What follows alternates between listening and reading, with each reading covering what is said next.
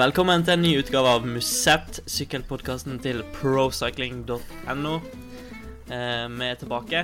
Theis Taktskifte, Oksen fra Lone og Simon Nesler. Har vi noe kallenavn på deg ennå? Nei. Nei. Jeg har jo, jeg har foreslått eh, Tasta Overskyet. I og med at Tasta Sol er hans brukernavn på Twitter. Men jeg vet ikke om det fester seg ut. Det er ikke det, er ikke det from Osterøy-verdig, syns jeg. Nei. Litt, litt for internt òg, kanskje. Men eh, Ja. En mann som har eh, flere kallenavn. Eh, han klinte til i Gent Wevelgem. Hvem var det? Dyret fra Storhaug. Dyret fra Storhaug. Eller Ja. Storhaug Ekspressen er vel òg eh, benytta.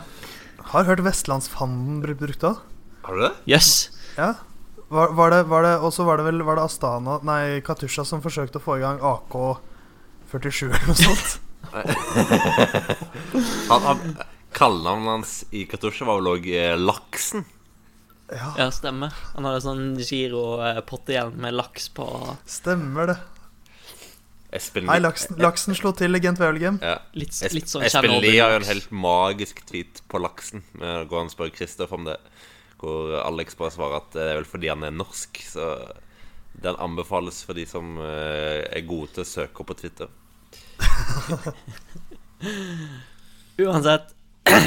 eh, Kristoff tok sesongens eh, andre seier. Sesongens største seier, en viktig seier for han.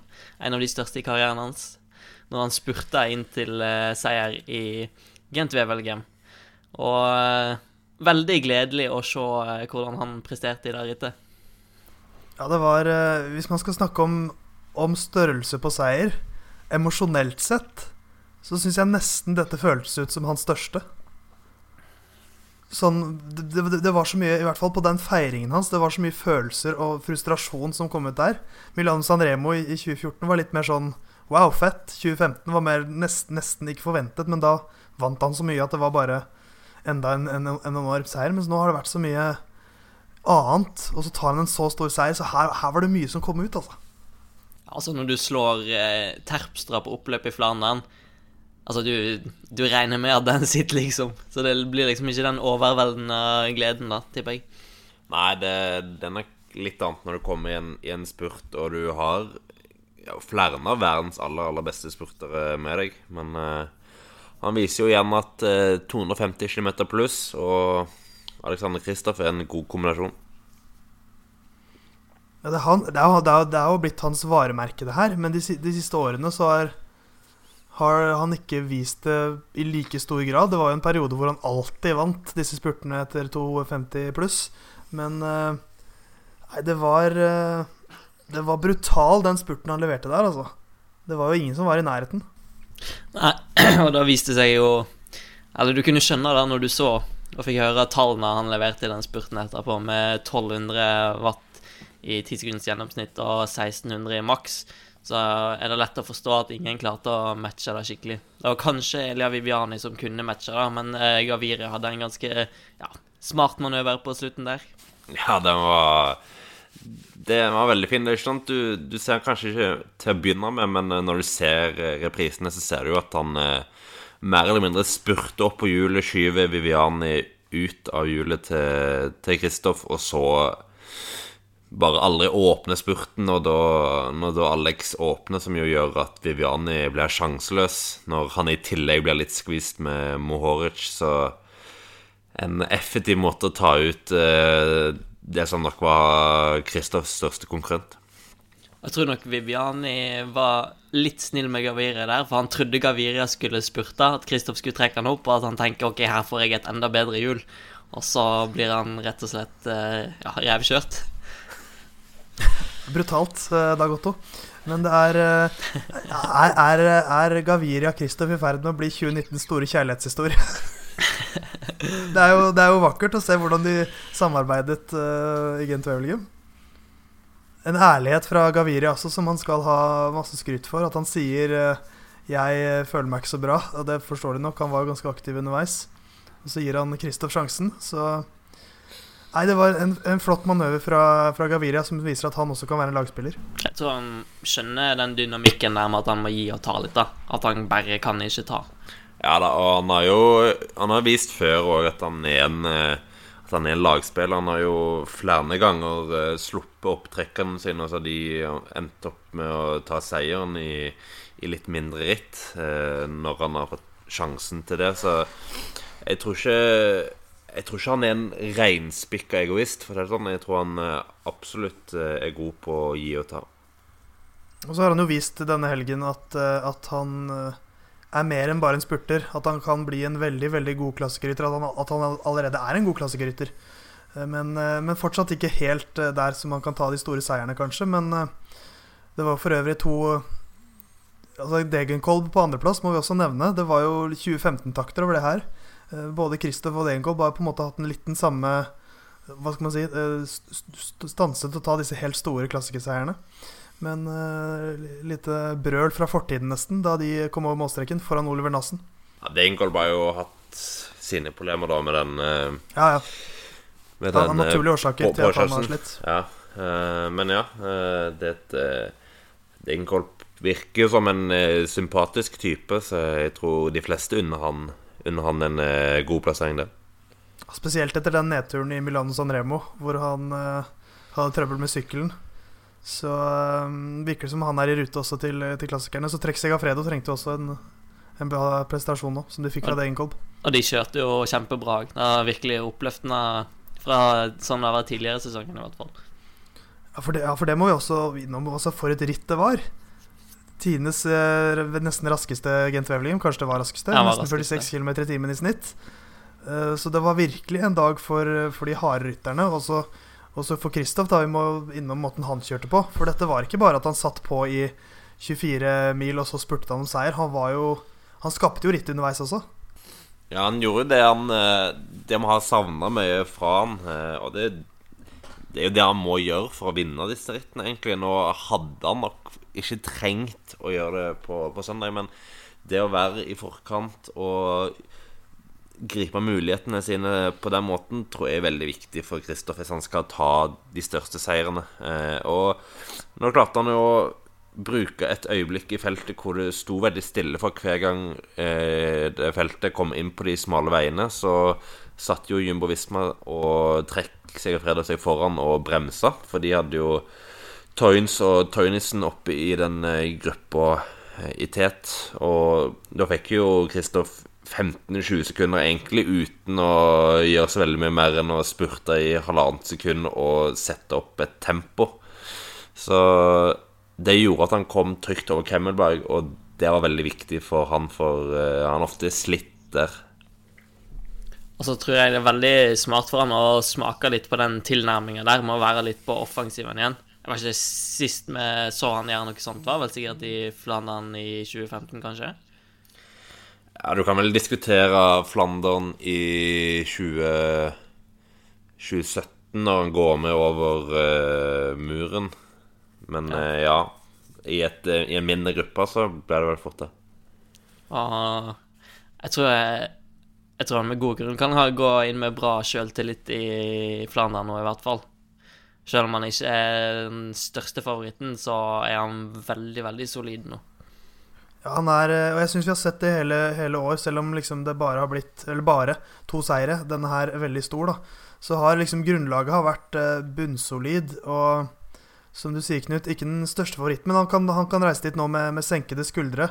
Han slipper å, å føle at han har eh, At han må ha et resultat der, for nå har han allerede vunnet en av de aller største klassikerne. Så, så det er veldig mye å, å se fram til også, tror jeg, i Flandern og Paris-Roubais, med en Kristoff som slipper å, å, stresse med at han må ha et resultat.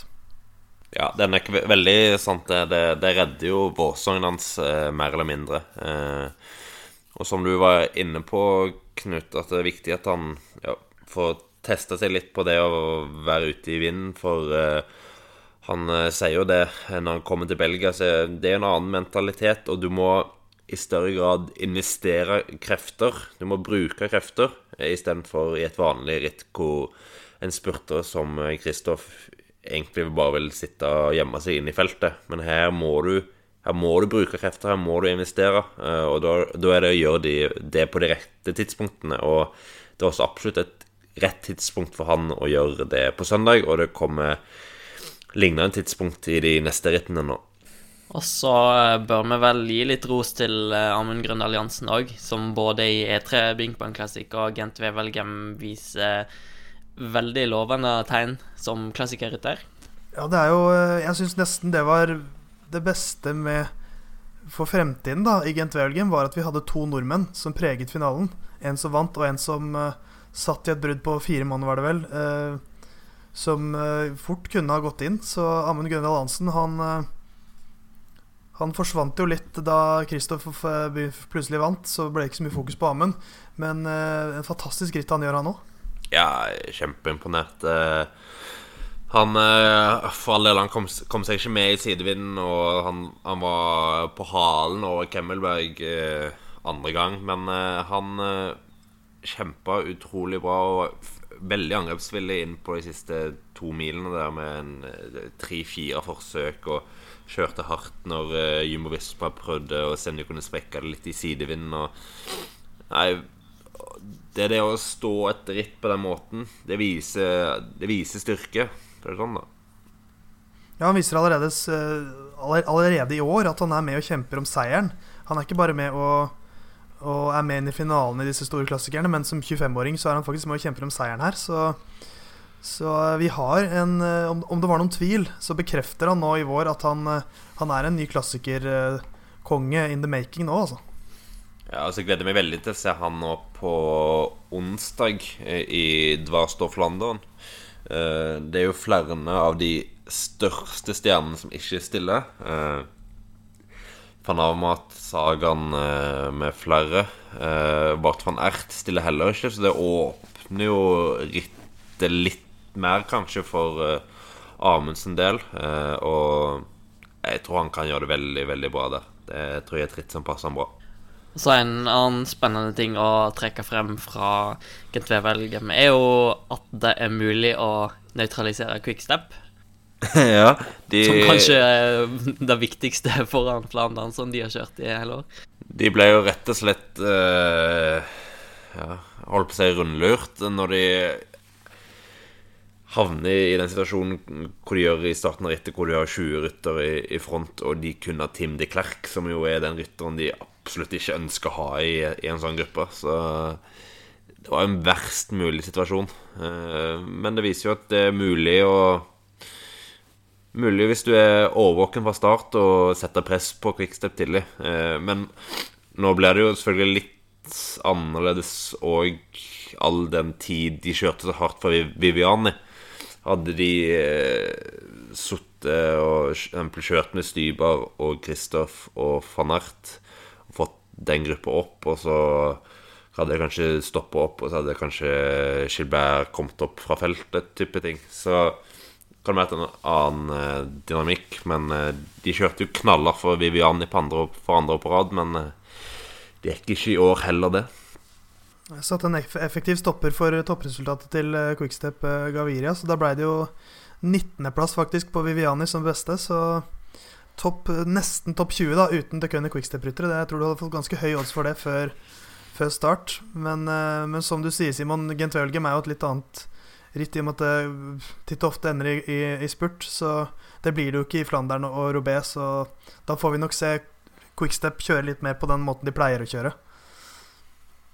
Da er det ikke bare Team de Klerk de har i fronten, vil jeg tro.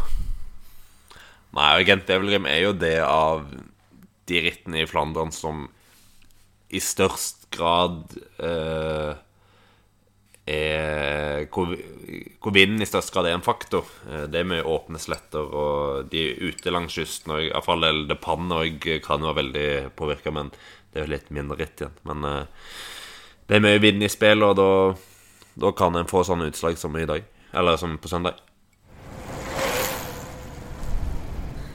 Mens det var mulig å temme quickstep i Gent Wevelgem, så var det vanskeligere i E3 eh, e Binkbank Classic, der de igjen stakk av med en seier denne sesongen. Og igjen var det Stybar, da, som uh, foreløpig har uh, vist litt nye sider av seg selv. Plutselig klarer han å avgjøre disse store klassikerittene, ikke bare være med i i finalen var jo han, van Ert, van Avmat, Betiol og uh, Jungels, vel, ja. som, uh, som, gjorde opp om, om, seieren der. Og at Stybar skulle vinne den spurten, det, Det var ikke gitt. det overrasket meg. Nei, Han eh, var nok veldig godt hjulpet av, av det faktum at Jungels da hadde vært i front i seks mil, og at Stybar dermed satt på hjul helt til det var tre kilometer igjen, hvor han prøvde seg med et par støt. Så han hadde nok relativt mye friskere bein. Så det, det var nok det som eh, hjalp han, for Van Amat skal jo normalt sett ta han relativt greit i en eh, sånn spurt. Eh, apropos så kom jeg inn med selvtillit i, i Flandern og Robé. Ja, Ja, G- G- Greg van Avermat. ting har ikke helt klaffa for han eh, i år, ass.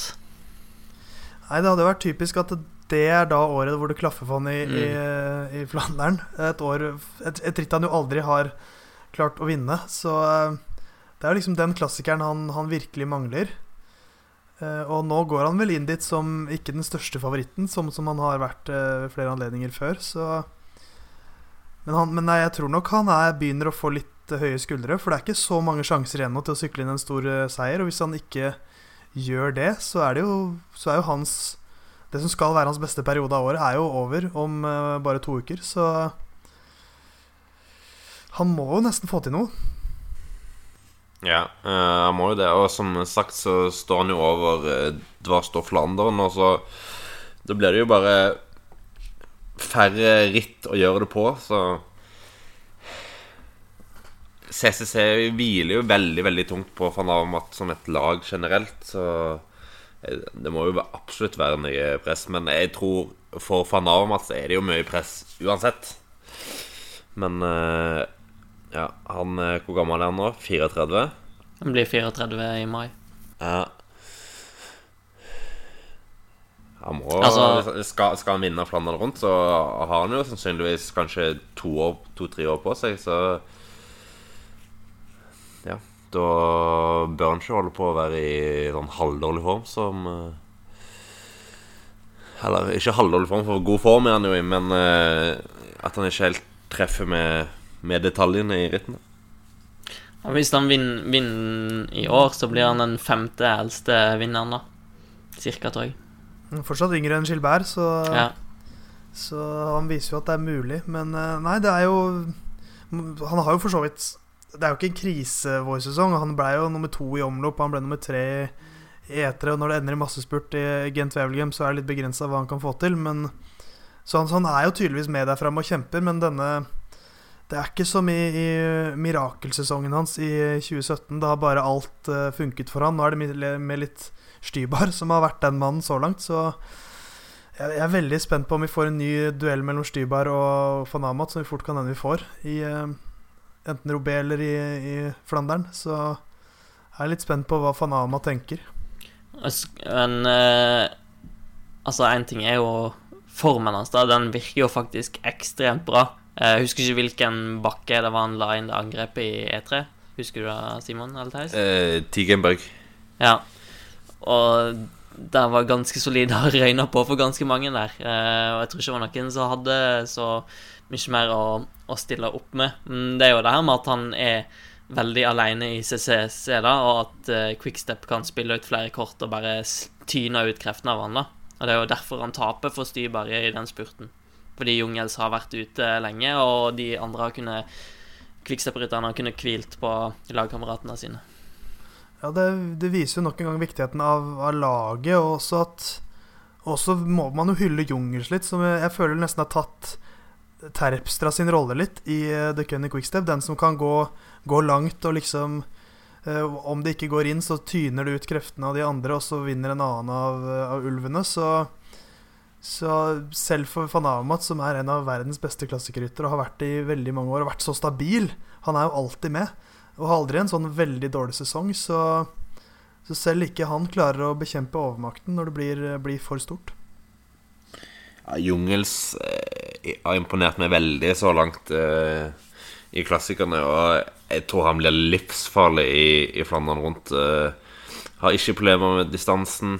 Takler bakkene veldig bra. Takler tempoet veldig bra. Altså, han skal bli en fryktelig, fryktelig seig mann å slå. I en spurt så er det greit å slå han, men eh, jeg tror nok han kommer til å prøve seg i et angrep eller to, og da, da er det vanskelig å følge. Og den siste biten der inn mot Odenar, det er jo også sånn som skapt for han, føler jeg. Ja. Hvor det bare er sånn eh, Ferdig med brostein, nå er det bare å gønne på med tempo. Det er umulig å kjøre inn han der. Hvis han får noen ti ti sekunder, liksom, så er han gone. Ja, Du så jo hvor lenge han uh, Altså hvor seigt det var å hente inn de sekundene uh, på fredag. Han hadde vel kanskje lov Lå 10-15-20 sekunder foran i 15 km. Eh, og da hadde du tre mann som kjørte veldig hardt bak, og hvor spesielt van Amat jo virkelig pøste på, så han er råsterk. Vi snakka jo litt i en tidligere pod om potensielle ryttere som kan vinne eh, alle eller flere monument, men her har du en fyr som fint kan vinne tre monument i løpet av et par år. Han har allerede vunnet Liège, liksom.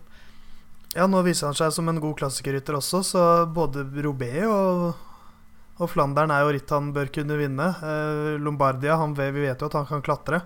Så nok en gang så er det vel kanskje Sanremo som fort kan bli utfordringen hans. Men, eh, men han, at han kan vinne flere monumenter, det er vel ganske utvilsomt. Når Jungels eh, gikk til å komme av gårde, så var Amund Grøndahl Jansen veldig aktiv, eh, men mangla akkurat litt for å ikke klare å følge, følge Jungels. Eh, Simon har jo vært i Belgia. Han møtte Amund i forkant. Og mannen, myten, legenden hadde vel litt spennende å si, tenker jeg, Simon. Ja da, vi Han lovte meg 15-20 minutter, og jeg tyna det til 23 før jeg takka for meg. Så han, han er alltid interessant å snakke med han. Så vi snakket litt om eh, ja, både klassikerne og framtiden til Jumbo Visma og hans uh, framtid. Eh, og så snakket vi litt om eh, ja, litt mer om Robé. Det får dere høre i en senere pod. Og så, ja Det er alltid interessant å høre på Amund, tror jeg. Velkommen til, til podkasten, Musett. Jeg vet ikke hvor mye du har vært på podkast før? jeg. Nei, jeg har aldri vært med i podkast. Jeg, ikke, jeg føler liksom ikke vi er i gang, men det kan hende vi er i gang allerede. Ja. Startskuddet har gått. Ja. Det er bra. Ja. Nei, uh, ja, vi er jo her nede i Gent. Uh, du skal snart kjøre både E3 og Gent Eulgen for det flyr videre med ytterligere belgiske klassikere. Uh, ja, gleder du deg til å komme i gang med det, eller? ja, det er uh, alltid spennende. Det er jo på en måte høydepunktet for, for meg da, for, eh, for året nesten. Så man er jo spent på gang, eller spent på åssen det blir. Og lyst til å komme i gang. da. Venting er egentlig det verste. Å sitte sitter på hotellrommet og vente dagen før. Ja, nå kjører jeg heldigvis ganske fullt program, da, så jeg får liksom få ventedager mellom hvert løp. Men eh, ja, det blir litt allikevel. Sånn, går litt lei av å sitte på hotellrommet og, og sture. Ja. Eh, nå har du jo, etter at du kjørte til Pannen i går, så har du faktisk kjørt alle av de belgiske worldtourittene i løpet av eh, karrieren. Eh, Hva for et er det du liker best av de? Ja, jeg syns kanskje Flandern er eh, det løpet jeg trives best i av, eh, av alle løpene. Altså omlopp med den nye løypa, altså den gamle Flandern-løypa i nye omlopp, syns jeg også er veldig fin. Hvor posisjonskampen er litt Den går litt mer på kraft enn på bare på, på å være god til å styre. Eh, Så det passer jo for så vidt meg bedre. Og i Flandern er det også litt det samme at, at man kan kjøre seg mer i posisjon på det å kjøre seg i posisjon istedenfor å å satse seg i posisjon med god, god manøvrering i, i lett terreng. Så, sånn sett så liker jeg nok kanskje de to, de to løpene best. Eh, Men alle, alle løpene er stort sett Ja, jeg syns Depanne synes jeg ikke var et veldig fint løp. Men uh, de andre løpene er ganske fine stort sett. Eh, jeg vet ikke hvor mye du leser av ting som ble skrevet om deg, og sånt, men uh, redaktøren Mariale skrev en kommentar her om deg i etterkant av San Remo, hvor han skrev det at eh, eh, Avslutta med at Jumbo Vismas klassikerrekke om uh, hvem vet om den om ett til to år er like sterk som eh, den er i nærheten av de kunne quickstep i dag. Eh, Dere har en veldig ung et ung klassikerkjerne. Hva, hva tenker du om ja, den, det utsagnet der? Er det, er det mulig? Ja, jeg, jeg tror det er mulig for framtida sin del om, en, om en, hvis laget holder sammen. Altså, nå er jo Wout er vel signert for en tre sesonger, og, og Mike også er signert over lengre tid. Eh, så ja, hvis jeg da resignerer og blir værende en to-tre sesonger til, så kan vi Ja. Eh, så har vi flere. Vi har gode ryttere som, som blir værende i laget en stund. Og hvis, hvis vi er samme gruppe om tre eller fire år da, med, med, med god utvikling og da begynner også stjernene til Quickstep som er der per nå, noen av dem er aldri lite grann. Eh, så kan det være en helt annen dynamikk. Det endrer seg mye fra år til år. Nå har jo Quickstep hatt en veldig sterk kjerne igjen tre-fire år. Eh, også etter at Bonen eh, ga seg, men, men, men det endrer seg en del fra år til år. Da. Så plutselig så kan det være at vi står der som et av de sterkeste lagene om, om, om en ja, om tre-fire år. Eh, du har jo vært i, i laget nå eh, Det er vel tredje sesongen nå. Eh, føler du at dette er laget du egentlig har lyst til å være i ut karrieren, eller tenker du at det kommer til å Jeg må, må ta vurderinger på det underveis? Nei, så Det er tidlig å si ut karrieren nå. Jeg tipper jeg har en kanskje ti til ja, I hvert fall ti gode år igjen av karrieren min. eh, Og muligens, hvis jeg fortsatt trives etter ti år, at jeg har en 12-13 år også. Det, det kan være mulig. Ja. Så jeg klarer liksom ikke å si at jeg blir værende her ut karrieren ennå. Men eh, jeg har ikke noe imot å resignere her for, eh, for, for flere år i framtida. Jeg trives godt, og så lenge, så lenge lønna er god og vilkårene er gode på lik linje med andre tilbud, så ser jeg for meg å bli, bli værende. Eh, av de rittene dere kjører nå sånt, i Belgia, hva for et eh, ritt er du tenker at Og Paris-Roubaix, eh, hva ritt er det du tenker at du har størst muligheter i? Ja, det Jeg føler kanskje at jeg Ja, i morgen E- E3, det Eller E3, da. Det er litt sånn Veldig, det er ganske, egentlig ganske litt sånn klatretungt løp til å være en veldig klassiker. Jeg er ganske stor rytter. Eh, Jeg, vi, må, vi får se i morgen åssen det går, men der har jeg kanskje ikke helt samme følelsen som altså Flandern føler jeg at det er på en måte lettere å, å gjøre det godt fordi man får en del ryttere som blir slitne etter eh, pga. lengden, av distansen. Jeg har følelsen av at jeg takler egentlig det lange løp eller distanse ganske godt. Eh, så jeg har for så vidt ambisjoner for Flandern. Eh, jeg har jo ambisjoner for alle løpene, men Flandern kanskje føler jeg litt at det er mer eh, oppnåelig, da. Eh, og så har du Dvarstålsflandern, hvor ofte startfeltet er litt, grann, litt grann mindre sterkt. Hvor man da har muligheten til å, til Eller ja, hvis, hvis jeg sier at jeg er nummer mellom 20 og 25 i feltet av de beste rytterne, og ti av dem ikke starter, så er jeg jo plutselig oppe på eh, 10. til 15. sterkeste rytter på en måte i løpet. Det gjør stor forskjell fort. Om en, om en ti, ti stoppfavoritter ikke, ikke starter der. Eh, Hvis man da spiller kortene godt og har en god dag, så kan man fort gjøre veldig skarpt i et sånt løp. Eh, som lag, hvordan er det dere eh, disponerer hverandre når dere har såpass mange relativt gode ryttere? Ja, det er det som er på en måte litt vanskelig, men også litt sånn Ja, det er en gunstig situasjon, da, men så er det litt vanskelig å vite helt hvordan man skal bruke rytterne da, for å få mest mulig ut av det. Så man må jo ha Vi har vel den, alltid en par ryttere som på en måte skal være Ja, sånn er jo Wout er vel vår, vår sterkeste kort. Eh, har han vist seg å være de siste løpene, og som er, han kjørte godt i fjor allerede. Han er veldig sterk, veldig god form nå. Så at han får da én til to ryttere rundt seg som på en måte si, passer på han. Eh, og så har eh, jeg og Mike og eh, Danny eksempel, at vi har da litt mer Litt slags fri rolle. Altså vi kan jo også på en måte da dra nytte av at Wout har ryttere som skal hjelpe han i posisjon og ta vare på han, så kan vi jo sitte i nærheten av dem. Men at vi da prøver å komme oss på egen hånd eh, inn i finalen, og så må man se i finalen hvordan vi føler oss, og så plukke, plukke ut de rytterne det skal satses på, på en måte der, ut ifra hvordan, hvordan det føles, hvordan det ser ut i løpet. Eh, normalt sett da, så er det da Wout som, som måte er vår eh, måte spydspiss, mens, mens hvis vi da sitter med fire mann i en finale, at man da kan diskutere litt, eller diskutere diskutere. Man rekker ikke å si så mye, men da kan man i hvert fall si selv at føler man seg bra, så angriper man på et mellomparti, eller man prøver å følge noen angrep.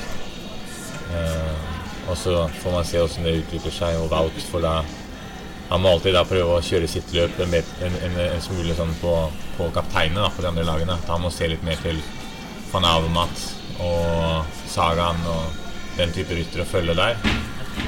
Og så må vi andre prøve å komme oss på forskudd. Hvor eh, vanskelig er egentlig det å komme til på forskudd for alle? Det, mange snakker om at de prøver å komme til på forskudd, men det er jo ikke alltid så mange som klarer det. Nei, det er veldig vanskelig. Det er en kjempekamp for å komme i posisjon. Du kan si at sånn som i, i morgen i E- E3, da, så er det liksom Det er en stor fordel å sitte, sitte med folk på forskudd, da. Eh, men det er få steder man på en måte kan komme på forskudd.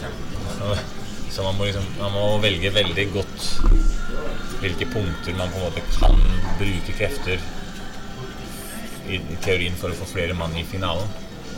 Eh, Et av de stedene er da i Korteker før eh, Teinberg. Men det er også et punkt hvor alle vil sitte foran. Så selv de som ikke da trenger å være på forskudd, la oss si Sagan, van Avermaet, Wout altså den, den type ryttere, de, de 10-20 beste, de vil også da sitte først inn i Kortiker, for så å være først inn i Teinberg.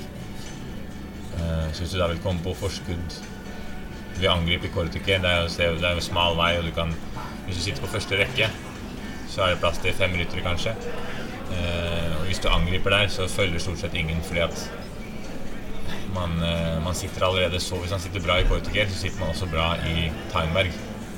Så å angripe der er på en måte da Hvis du, hvis du gjør det godt og du har, eh, det faller litt i ditt favør hvordan det kjøres, så kan man komme fint på forskudd hvis man kommer seg over Teinberg før, eh, før de beste angriper der. Da sitter man jo fint i det. Men den kampen for å komme da først inn når man svinger høyre inn i, i Kortike, den er veldig vanskelig. Og man må være blant de fem rytterne som sitter først. Så det er jo på en måte Av de fem rytterne som sitter først, så er det kanskje av og til én som ønsker å, å gjøre noe i Kortiker for å sitte foran feltet. For å, ikke, for å slippe å sitte med favorittene i Timeberg hvis du ikke er selvsikker nok til å tro at du klarer det. Så det må, det, det må være en av de fem første inn der. Eh, det er stor kamp, liksom. Det er, det, det er ikke noe sånn Du får det ikke gratis i det hele tatt. Og så i tillegg så må du bestemme deg, da.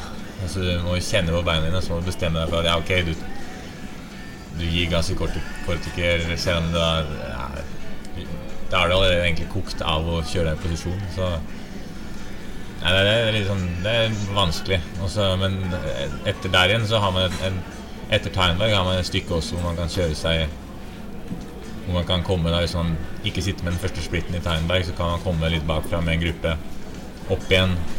Og så har man en del punkter hvor man da også har muligheten til å angripe, hvor det er litt, løpet er litt mer satt.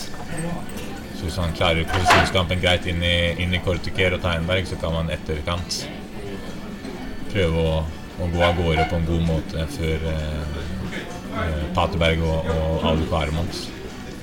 For da å være på forskudd der, da. Mm. det, er- det er vanskelig spill. For man må, det, det handler om å investere krefter i forkant for å sitte med mer krefter i etterkant. Det er en rar, rar måte å kjøre løp på. Ja. Uh, ja, jeg snakket var nettopp hos Alex, og han sa jo det at uh, han er vant til å bare sitte i feltet og spare så mye krefter gjennom hele dagen, mens når han kommer til Belgia, så må han bruke så mye krefter nesten som mulig. Litt sånn at du må bruke krefter mye underveis for å egentlig ha noen sjanse. Ja, man må, man, det er på en måte sånn at man må Det er som en slags investering, da. Eh, I et vanlig løp for en spurter så må du bare spare og spare og spare. Og så sitte foran på slutten. Mens, mens eh, i klassikerne så må man hele tida investere krefter i posisjonen sin. Og det kan koste veldig mye. Kan, altså vanligvis så kjører man mer watt foran de første stigningene for å komme i god posisjon enn man kjører i stigningene. Eh, og så første gang man virkelig drar til en stigning, så, så er det allerede ganske seint i løpet. I, i, eh, I E3 så er det Tineberg. Eh, første gang det blir kjørt hardt. Og f.eks. i, i Kurene Busselkurene så er det bare i Audekvaremont at man kjører hardt i, i en bakke. Eller det, ja, og Klausbergen, da, men Så det er liksom Hele tida så må du legge inn krefter på å komme ned i posisjon, holde ned i posisjon, kjøre litt i vinden. Og så er det liksom sånn at når du kommer inn på de veldig smale veiene, sånn, sånn, sånn som før uh, Ta- Teinberg i morgen, så skal du virkelig være der, så holder på en måte Holder ikke eh, topp 30. Da må du sitte blant de to første radene på de ti første plassene. Uh, og det koster krefter. Eh, for din egen del nå, den eh, klassikersesongen, hva er det Hva er det du eh, ønsker å oppnå? Nei, altså Først og fremst er det et steg et, Bare ta et steg opp, da, som er det viktigste. At man blir et steg bedre enn det man var i fjor. Eh, så jeg føler jo allerede at jeg er bedre enn jeg var i fjor formmessig, og at jeg er sterkere, men man må likevel få det ut i et håndfast resultat før det på en måte er bevist. Eh, så i år så er det det sikte mot å komme inn topp ti i en, en av klassikerne. Eh, I fjor så satt jeg på en måte i gruppa rett bak der. Så hvis jeg da klarer å komme med i gruppa som er kjemper for topp ti, så er på en måte det allerede for meg godkjent i år. Det er, ja. Samtidig så er jo lagets ambisjoner da, Vi har jo innad og egentlig og utad også, så har vi ikke sagt at vi skal kjøre noe masse podiumer eller alltid, alltid ha en mann blant de fem beste, men vi har vel sagt innad i hvert fall at eh, vi skal sikte mot topp ti hvert løp og jobbe for andre i finalen. Eh, men ja, hvis man klarer topp ti, da er man allerede så god at da kan egentlig alt, alt skje, avhengig av hvordan løpsutviklingen er. Så ja, kjøre finale hver gang er egentlig det viktigste, og så prøve å få gjort noe i finalen med laget og få liksom den gode driven da, som, som, som gruppe. Eh, litt sånn på lengre sikt. Eh, nå har du jo kjørt de tre monumentene som er kalle relevante for din del. Eh, og du har en ja, 16.-plass som best fra Robé, vel. Eh, Hvilket av de tre rittene er det du tenker at du har størst sjanse i, i neste årene? Jeg tror Milan San Remo er et litt vanskelig løp for meg. For det er ikke så mye Man har så lite spillerom. Det er så lite tvil i Milan San Remo. Eh, Både i Flandern og i Robé så har man alltid periode Altså det skjer mye større utskillelse mye tidligere, og det blir et mye mer åpent løp. Eh, mens Milan San Remo er det Ja, nå er jeg allerede nå god nok til å sitte med over Porcio med feltet, sånn sett, men det er nesten umulig å angripe etter utforkjøringa fra Porcio og holde unna. Det skjer nok Det skjer vel så å si aldri. Eh, og det er eneste måten jeg kunne ha vunnet Milan San Remo på, tror jeg selv. Enn så lenge, da, kanskje om Jeg vet ikke hvor, hvor, hvordan man utvikler seg. Og, hvis jeg skal vinne Milan San Remo, så må jeg enten bli god nok til å sitte med det første som angriper, altså sitte med den gruppa der hvor eh, Ala Filip satt nå eh, og vant, vant fra en gruppe i front. Eh, og jeg tror jeg, jeg er ikke rask nok til å vinne San Remo fra en feltspurt. Så jeg ser kanskje at Flandern og Roubaix, der kan man på en måte spille litt mer taktisk over lengre tid, da. Og det er en gunstig, det er en fordel for en rytter som meg. Da har vi unnagjort litt eh, brostein-snakk. Eh, det kommer en Flandern-spesial som jeg håper mange gleder seg til senere i uka. Eh, Joar Flatland, som vanlig vår trofaste lytter, så vel ut som han hadde ønsker om det, så da må vi jo levere. Eh, I mellomtida så beveger vi oss videre til Catalonia, hvor eh, ja, tilbakevendende tema i denne podden, Astana, leverte varene igjen. Eh, to seire ute. Etappeseier og sammenlagtseier til eh, Lope Superman.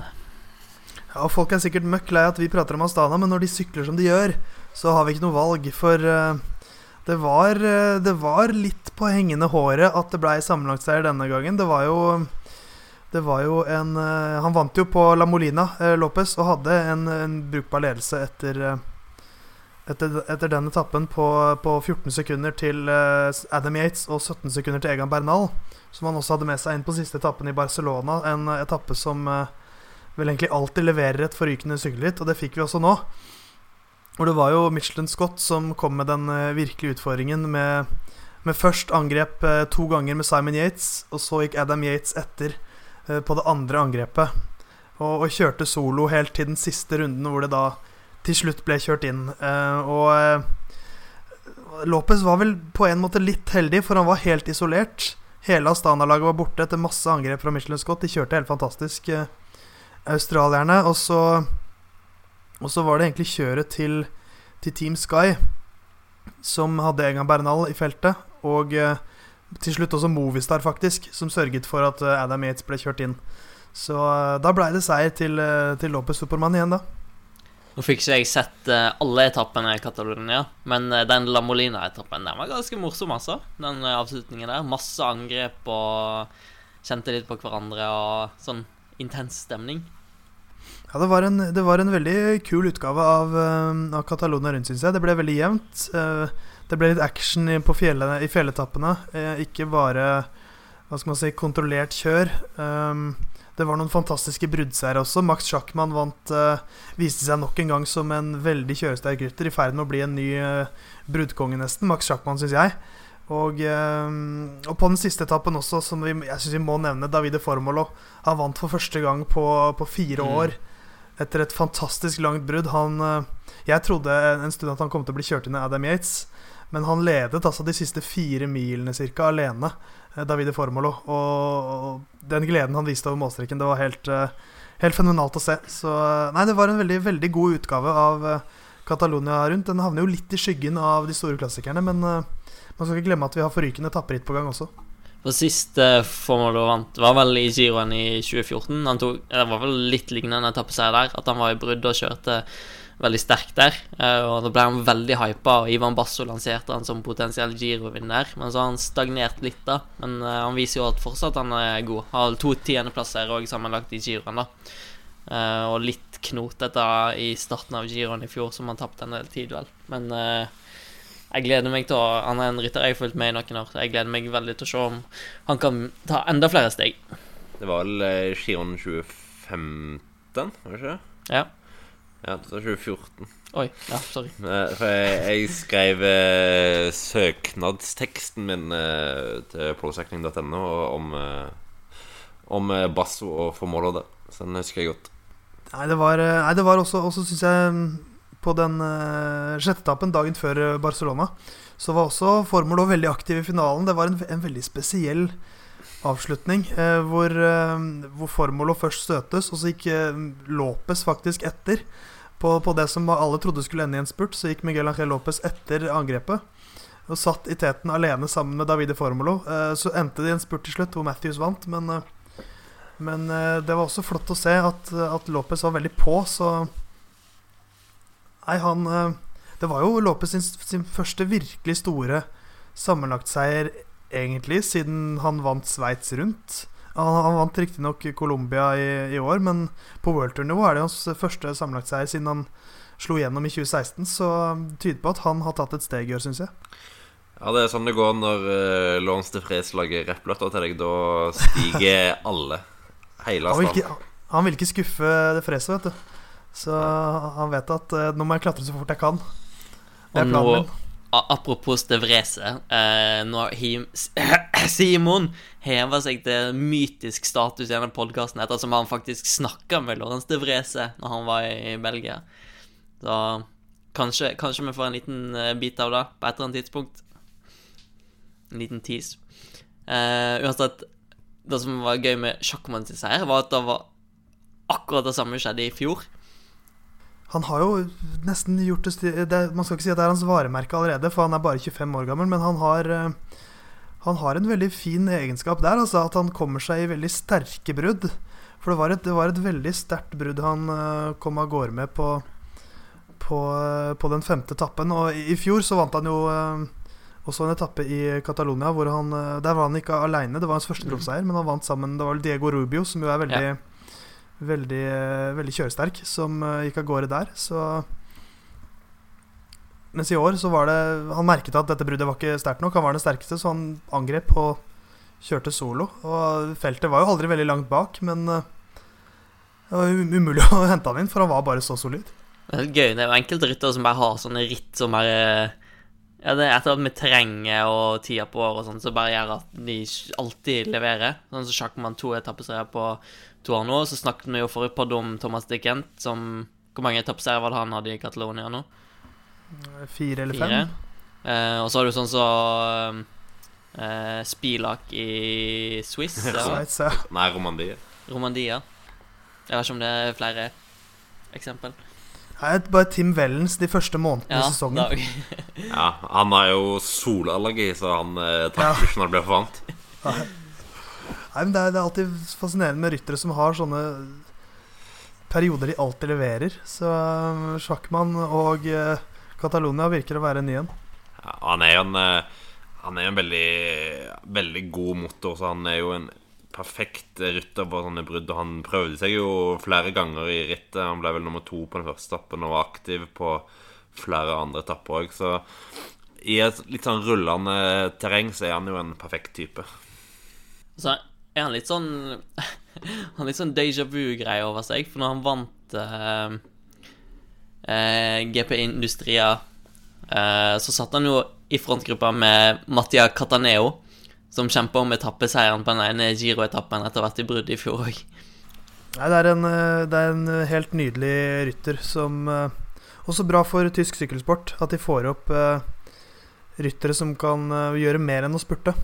For uh, jeg tror sykkelsporten trenger et, uh, et sterkt Tyskland igjen. Det bor veldig mye folk der, så det er et uforløst potensial. Og nå har Båra elleve seire allerede i år, og Sagan står bare for én av de. Ja, så det, det er også et lag som i Jeg husker jo da de startet opp og, og liksom bygde seg rundt Sagan, så var det jo både jeg og veldig mange som tenkte at eh, Ok, de har Peter Sagan, men bak der så er det ikke så veldig mye. Men nå har de liksom De har jo tre verdensklassespurtere i Sagan. eh, eh, Bennett og Ackermann. Og så har de også ryttere som Sjakkmann og som Formålås, som, som eh, kan eh, gjøre andre ting. Og Emanuel Buchmann, som stadig blir mer og mer spennende. Så det er eh, har vist seg å bli et veldig spennende lag. Vi flyter videre i dagens podkast til den norske sykkeluken, og fortsetter litt med Catalonia-snakk der, ettersom det faller seg ganske naturlig når Odd Christian Eiking gjorde ja, en ganske solid prestasjon. Femteplass på den første etappen, eller andre. Andre. Andre. Veldig imponerende der, og leverte ganske stabilt utover i rittet. Ja, Det som jeg syns har hindret Eiking litt de siste årene, er at han i disse etapperittene hvor han kan egentlig kjøre seg inn til en topp 10-plassering eller kanskje topp 5, så har han én dårlig dag hvor han bare mister 14 minutter. Eh, Men det hadde han ikke i årets Catalona rundt. Han kjørte veldig stabilt, fulgte opp denne flotte femteplassen på andre etappe. Og eh, ble, ble, på, ble nummer 15 på siste etappen i Barcelona. Var vel først i, i gruppe nummer to, på en måte. Og eh, ender opp som 15.-mann i sammendraget, som er en veldig sterk prestasjon i et veldig veldig krevende tapperitt. Så eh, strålende å se Odd Christian Eiking i så bra slag. Ja, spesielt når eh, Catalonia jo i realiteten ble avgjort i relativt lange stigninger i, i fjellene der, og det er jo ikke det som er Eikings eh, største styrke. eh, og han taper jo selvfølgelig en del der, men eh, eh, han klarte å begrense tidstapene relativt greit, og da får han en god plassering til slutt når han leverer gjennom hele rittet. Altså til, til La, La Molina så er det Han blir altså der nummer, nummer 26. Kommer inn i mål sammen med Meravikudus og Ricardo Soidel. Eh, og f- f- f- foran Darwin Atapuma, foran Varen Bargil. Um, så det er eh, han, han klatret også veldig bra og hang med på de eksplosive, eksplosive etappene, så nå håper jeg bare Det er jo knock on wood og alt det der. eh, at han holder seg frisk. Og at det ikke blir noe sånn slit som vi vel frykter at kommer. Men sånn med tanke på Altså, nå leverte han kjempebra på den ene dagen, den andre etappen. Og han trenger ikke mer enn én bra dag eh, i Ardennene, f.eks. Og den spurten han leverte på den andre etappen i bakken var en kilometer ca., den siste bakken. Og han gikk til rundt 600 meter fra mål eh, veldig tidlig. Og hadde folk som var bak han og kom rundt han, men han klarte å, å matche farta deres og holde farta inn til en femteplass, kun slått av Michael Matthews, Alejandro Valverde og eh, Sjakkmann og Dalimpi. Sjakkmann og Impia. Eh, så det er veldig lovende med tanke på hva vi har i vente da, av ritt. Utvilsomt. Vi hadde jo òg en eh, god norsk eh, spesielt en god norsk eh, sykkelhelg. Du kan jo ta oversikten du, Theis, som har fått innholdet ditt nærmest Plagiert plagert utover norske medier her. I tillegg til å bli Twitter-kjendis. Ja, ja, ja. Det er all, stort, stor helg for meg også på Twitter. Nei, det var jo eh, Jeg vil jo si at søndagen Beste norske sykkeldag på veldig lenge. Jeg begynte å tenke tilbake nå at liksom Når, når var det Hushovd vant foran Boasson Hagen og Ryder Hesjedal? I Tour de France. Det er, nesten, det er nesten på det nivået. For det var altså eh, Det er jo begrenset med plass på Twitter, eh, så jeg fikk ikke plass til alt. Men på søndag Kristoff vinner Gent Wevelgem. Grønvold Jansen preger finalen i Gent Wevelgem. Ole Forfang vinner Tour de Normandie. Eh, Trond Håkon Tronsen blir nummer tre i sammendraget Tour de Normandie. Andreas Leknesund blir nummer to i Gent Wevelgem U23. Eh, Tobias Foss ble vel nummer syv, var det? Syve. Ja. Og eh, samtidig blir Odd Kristian Eiking uh, nummer f 15 i sammendraget i Catalona rundt. Så har vi også da I juniorutgaven av Gent Wevelgem ble det vel en femteplass, ble det ikke det? Jo, Ja, på eh, ja, Ja. Jarle, Fredrik, Jarle Fredriksvik sin eh, store favoritt når det gjelder navn. Han er stor fan av navnet Zakarias Løland. Ja. Men det er litt av en smørbrødliste, da. Eh, for, på, på én dag. Hadde vi Anne Dorthe Ysland på 11.-plass i juniorutgaven, på jenter òg. Ikke sant? og sånn Du hørte det i Musett podkast her, men eh, hun er et veldig, veldig stort talent. Så se opp i fremtida. Hun, hun er her oppe fra Trondheim, Trøndelag. Ja. Nei, så det var, det var eh, Det var eh, Ikke sant? Det, det, gror, bot, det gror godt både på, på herre- og kvinnesiden. Og, og så må vi også vie litt mer tid, syns jeg, til eh, Til Gent Wevelgem og Andreas Leknesund. Den andreplassen der, etter alt han har vært gjennom i det siste. eh, faren hans som eh, gikk bort uh, pga. kreft. Og så får han en andreplass i et veldig stort ritt. Det tror jeg betydde mye. Ja, det Det må nok ha betydd veldig mye. eh, Og eh, med den inngangen som du sier han har hatt til sesongen, og så leverer så bra i sesongens første ritt, så Jeg tror nok det var noe som eh, betydde veldig mye for både han og familien. Altså en veldig, veldig, veldig fin fyr også, så det mm, unner han alt godt. Så vi får håpe at eh, han klarer å bygge videre på den flotte andreplassen. Og at han eh, kommer seg gjennom en vanskelig tid. Men, eh, men Normandie også. Vi må ikke glemme veldig bra innsats av flere norske lag. Mhm. Ja, jo eh, Skal ikke bruke Tim Coop eh, ble litt skadeskutt etter hvert, men eh, Trond Håkon Tronsen tok en veldig overbevisende seier på den femte Nei, sjette etappen. Sjette etappen, ja. Eh, Spurtseier bakkespurt, der han rett og slett bare distanserte alle de andre. Eh, altså I tillegg så vant Ole Forfang den fjerde etappen etter brudd. Eh, støtte seg fra ei tremannsgruppe der bl.a. Erik Nåsæter selv satt, og holdt inn med en 20 15-20 sekunder der. Og overtok eh, den gulledertrøya der. Og Joker satte seg i front på de tre resterende etappene. Og holdt uh, trøkket hele veien til mål, og ingen var i nærheten av å stjele den sammenlagtseieren fra Ole Forfang, som da på to uker Nei, på ei uke har tatt sine to første UCI-seire. uh, og blir den fjerde nordmannen i historien til å vinne Tour de Normandie. Ja, det var super, eh, super, supersterkt. Eh, Tour de er jo kjent som et eh, Som et hardt og tøft ritt. Nå var det kanskje ikke så mye vind som det kan være, men det er jo alltid et veldig bra felt der på kontinivå, så å ta seieren der på forfang, som du nevner, ikke har hatt noen UCI-seier før, må jo være veldig, veldig stort. Så jeg gleder meg til episoden av Første Vift denne, denne uka. Ja, Må jo anbefale alle å høre på første vifta med Ole Forfang og lagkamerat Hen- Henrik Evensen. Sikkert veldig fint eh, innblikk i hvordan det er å være kontinentalrytter, og veldig mange eh, morsomme anekdoter der. Eh, og jeg snakka med Forfang eh, etter han hadde vunnet, og de har snakka litt om det i første vifta. Hvordan de må eh, spise så masse karbohydrater under ritt. Og så har de sagt at de har blitt sånn matleie og sånt, spesielt etter sånne lange et- etapperitt. Så spurte jeg han og snakka med han, Og da bare sånn Utpust og bare Han var så lei karbohydrater og mat og spising.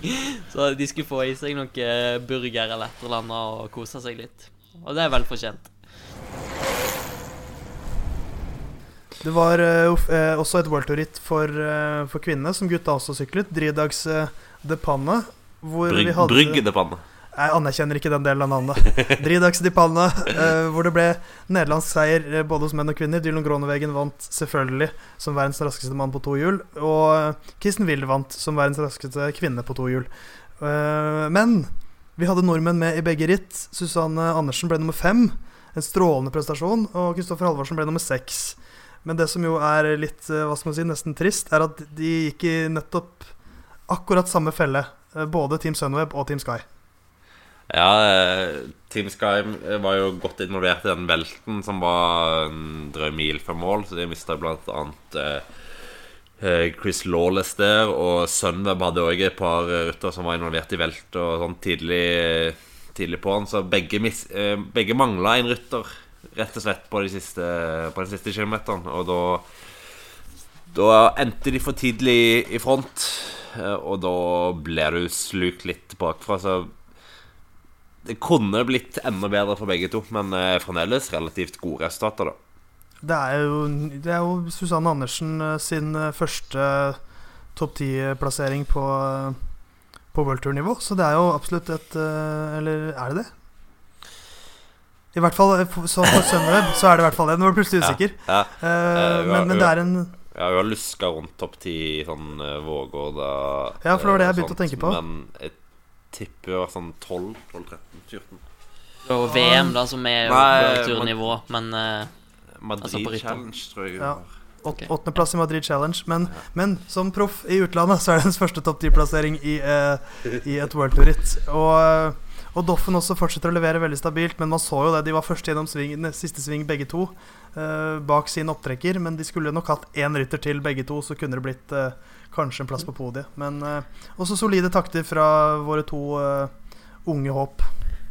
ja. Både Andersen og Halvorsen eh, virker å være på et veldig høyt fysisk nivå, i hvert fall, så trenger litt margin her. Og sånn som Andersen så også litt usikker ut og litt rotete med plasseringa si der. Eh, men eh, det kommer seg etter hvert. Fra den norske sykkeluka til eh, ja, kanskje noe internasjonalt. Jeg vet ikke helt ennå. Vi skal i hvert fall ha våre spalter Lanterne Rouge og rødt startnummer. Vi begynner med litt eh, slakt, som er eh, altså det røde det røde lanterne Lanterne Rouge. Og det er Simon. Du har på en rød T-skjorte i dag, så det passer at du deler ut den. Og jeg er veldig spent på hvem eller hva, eller hvilket lag, eller hva i alle dager som fortjener slakt i dag.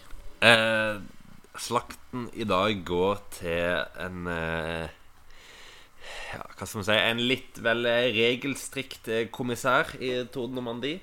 Eh, Team Coop eh, sin Louis Bendiksen var velta etter at en motorsyklist, ifølge Bendiksen, i hvert fall klippa hjulet hans. Og motorsyklisten skal også ha unnskyldt til Bendiksen etter etappen, så da velger jeg å stole på det. Eh, men eh, kommissæren valgte da altså, etter at eh, da sportsdirektøren til Team Coop, Magnus Børresen, hadde kjørt PSB Bendiksen opp til feltet igjen i ganske lang tid, for Bendiksen var ganske langt bak, og det gikk fort. Eh, Så valgte han da å ekskludere Coop sin eh, følgebil for én dag dagen etterpå, og gi ganske gode straffer til både Bendiksen og Børresen i form av bøter og trekk i sammenlagt og klatre og poengkonkurranser og alt, som var. Eh, endte med at Bendiksen vel brøyt eh, dagen etterpå på, på grunn av eh, skaden fra, fra velten, tror jeg. Så nei, Slakk til Tour de Normandie som eh, ikke klarer å forstå at når en motorsyklist kjører ned en, eh, en syklist, så må det være lovt å gi litt bilpest på vei opp igjen.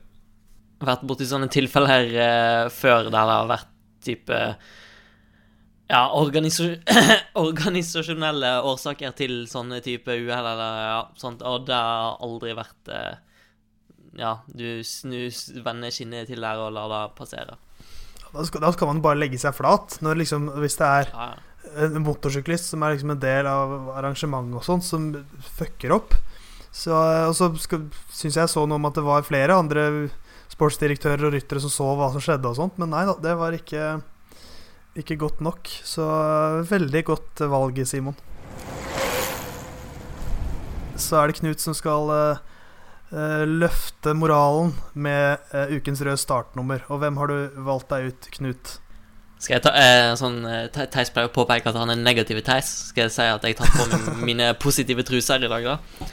Eh, og jeg må hylle Vi må Down Under.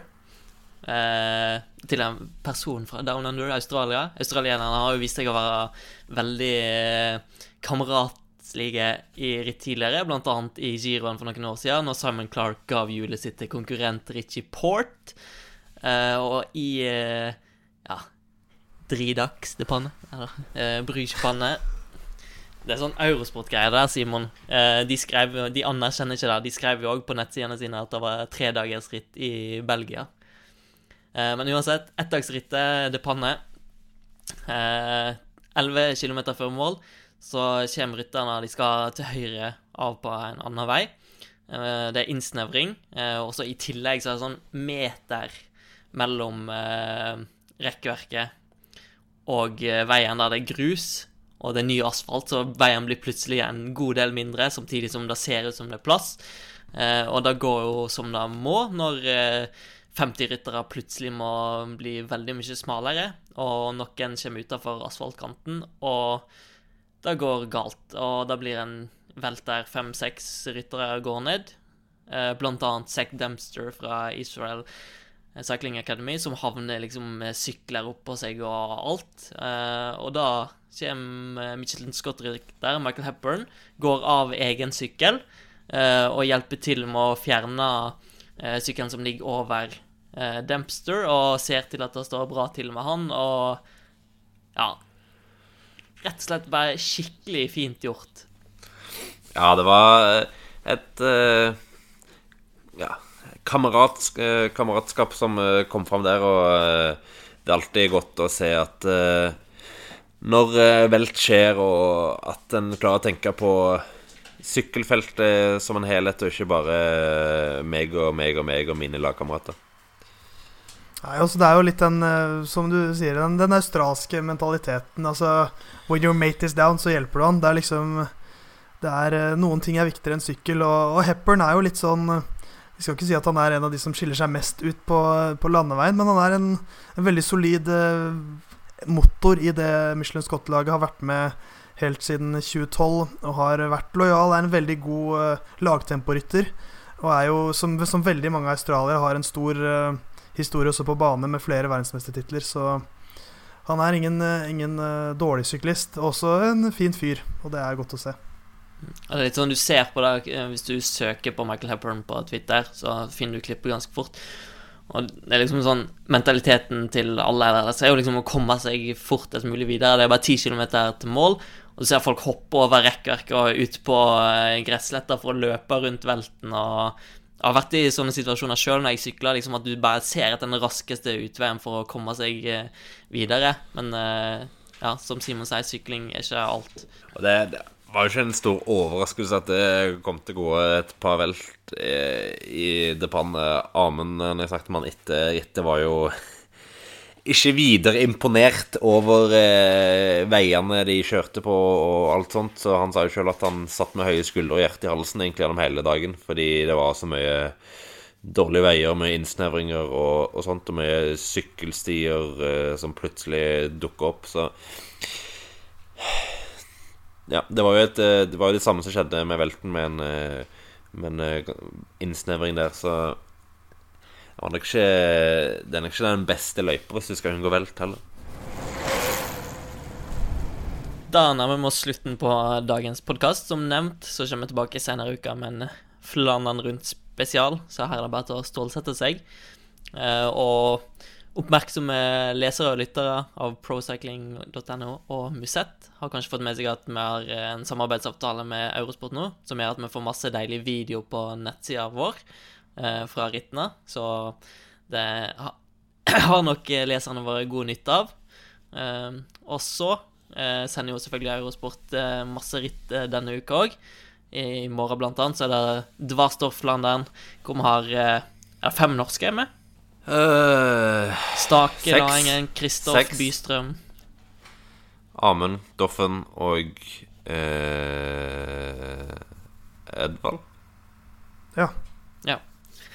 Så eh, folk må tune inn der fra klokka 14.00. Og så selvfølgelig sjekke procycling.no etterpå for eh, reaksjoner og referat. Og hvis du ikke rekker å se rittet, så har vi som nevnt video, så bare gå inn og sjekke ut der. Og så skal vår eh, kjære Theis Magelsen i aksjon i morgen òg. Ja, det er eh, Giro di Sicilia som, eh, som starter opp, med tre nordmenn på start. Odd Christian Eiking, Christer Hagen og, og Sindre Lunke. Det går fra Det går over fire dager, så onsdag til lørdag. Så få med deg det òg. Italiensk etapperitt.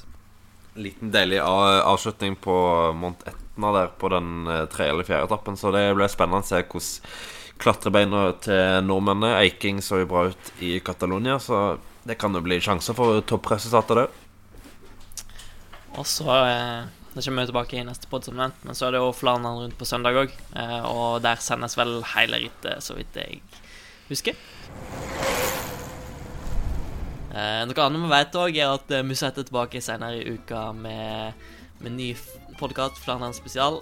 Og eh, som sier hør og bør, så må Theis Magelsen få scenen til eh, sin eh, plugg. Musett sin salgsmann er tilbake eh, og vil gjerne oppfordre deg til å gå inn på iTunes. Eh, hvis du liker det vi holder på med, eh, last oss ned, abonner på oss og ranger oss. Vi setter stor pris på alle som eh, orker å gjøre det. Så last ned, abonner og ranger. Det er veldig mange som hører på podden nå, og flere og flere som sender inn innspill og kommentarer. Eh, det setter vi veldig pris på, som nevnt. Så bare fortsett med det, så høres vi igjen snart.